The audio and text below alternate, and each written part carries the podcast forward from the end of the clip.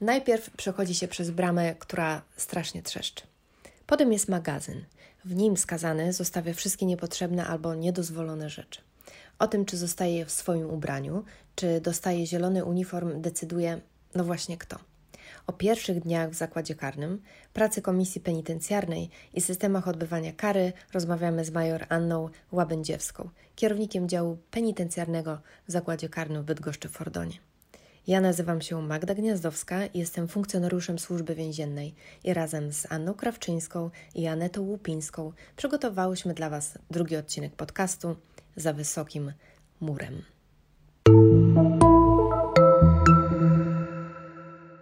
Pani kierownik, kiedy osadzony zostaje przydzielony do konkretnego zakładu karnego?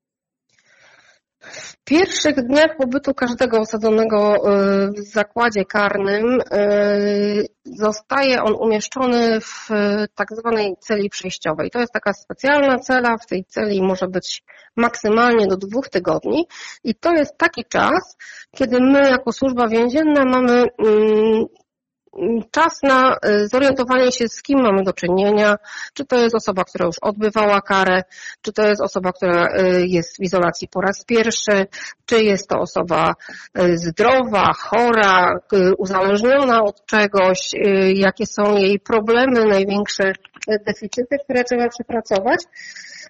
I w tym czasie podejmujemy decyzję o tym, do jakiego zakładu karnego taką osobę skierować. E, żeby taką decyzję podjąć, stawiamy, przedstawiamy taką osobę e, komisji penitencjarnej. I komisja decyduje i nadaje, żeby to było proste i jasne, nadaje klasyfikację takiemu osadzonemu. I po tej klasyfikacji jest kierowane do właściwego zakładu karnego. Klasyfikacja to takie umowne symbole. Litera P oznacza zakład dla odbywających karę po raz pierwszy. R to miejsce dla recydywistów, a M dla młodocianych przestępców. Do tego dochodzą cyfry. Jedynka oznacza zakład karny typu zamkniętego, nazywany potocznie zamkiem. Dwójka to zakład karny typu półotwartego, a trójka to zakłady karne otwarte ci, y, którzy mm, są najgrzeczniejsi, najlepiej rokują w sensie właśnie przestrzegania samodzielnego, pilnowania się przestrzegania nakazów, zakazów obowiązujących, trafiają do y, tych zakładów y, półotwartych i otwartych i y, najczęściej wychodzą także do pracy na zewnątrz, nie są pilnowani 24 godziny na dobę przez funkcjonariuszy służby więziennej wychodzą do pracy, wracają potem do jednostki po pracy. Yy, natomiast ci, którzy trafiają do zakładów karnych yy, zamkniętych, no to właściwie przez 24 yy, godziny na dobę pozostają pod dozorem funkcjonariuszy. Taka komisja penitencjarna składa się z funkcjonariuszy różnych działów. Jest kierownik działu penitencjarnego, kierownik z działu ochrony i z działu ewidencji, przewodniczy jej dyrektor. Oprócz tego, że wybierają typ zakładu, decydują jeszcze, w jakim systemie skazany powinien odbywać karę. Mamy w Polsce y, właściwie trzy dostępne systemy odbywania kary i y, jest to system programowanego oddziaływania, system terapeutyczny i system zwykły. I tak najbardziej obrazowo to można by powiedzieć, że w systemie zwykłym po prostu osadzony przychodzi do odbycia kary i odbywa swój wyrok i y, generalnie nic się z nim szczególnego nie dzieje. Mhm. Jeśli chodzi o system programowanego oddziaływania, to w tym systemie układa się przy współudziale osadzonego, układa się e, indywidualny program oddziaływań e, penitencjarnych.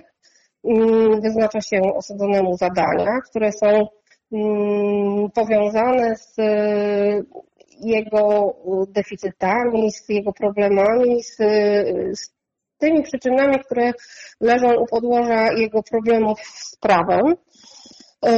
I Yy, realizując te zadania osadzony yy, jakby przepracowuje swoje problemy i uzyskuje coraz więcej umiejętności, kompetencji, mm, jakichś kwalifikacji, na przykład zawodowych, realizując poszczególnie, poszczególne zadania. Te zadania co jakiś czas oczywiście ulegają aktualizacji, są dostosowywane do jego aktualnej kondycji i sytuacji.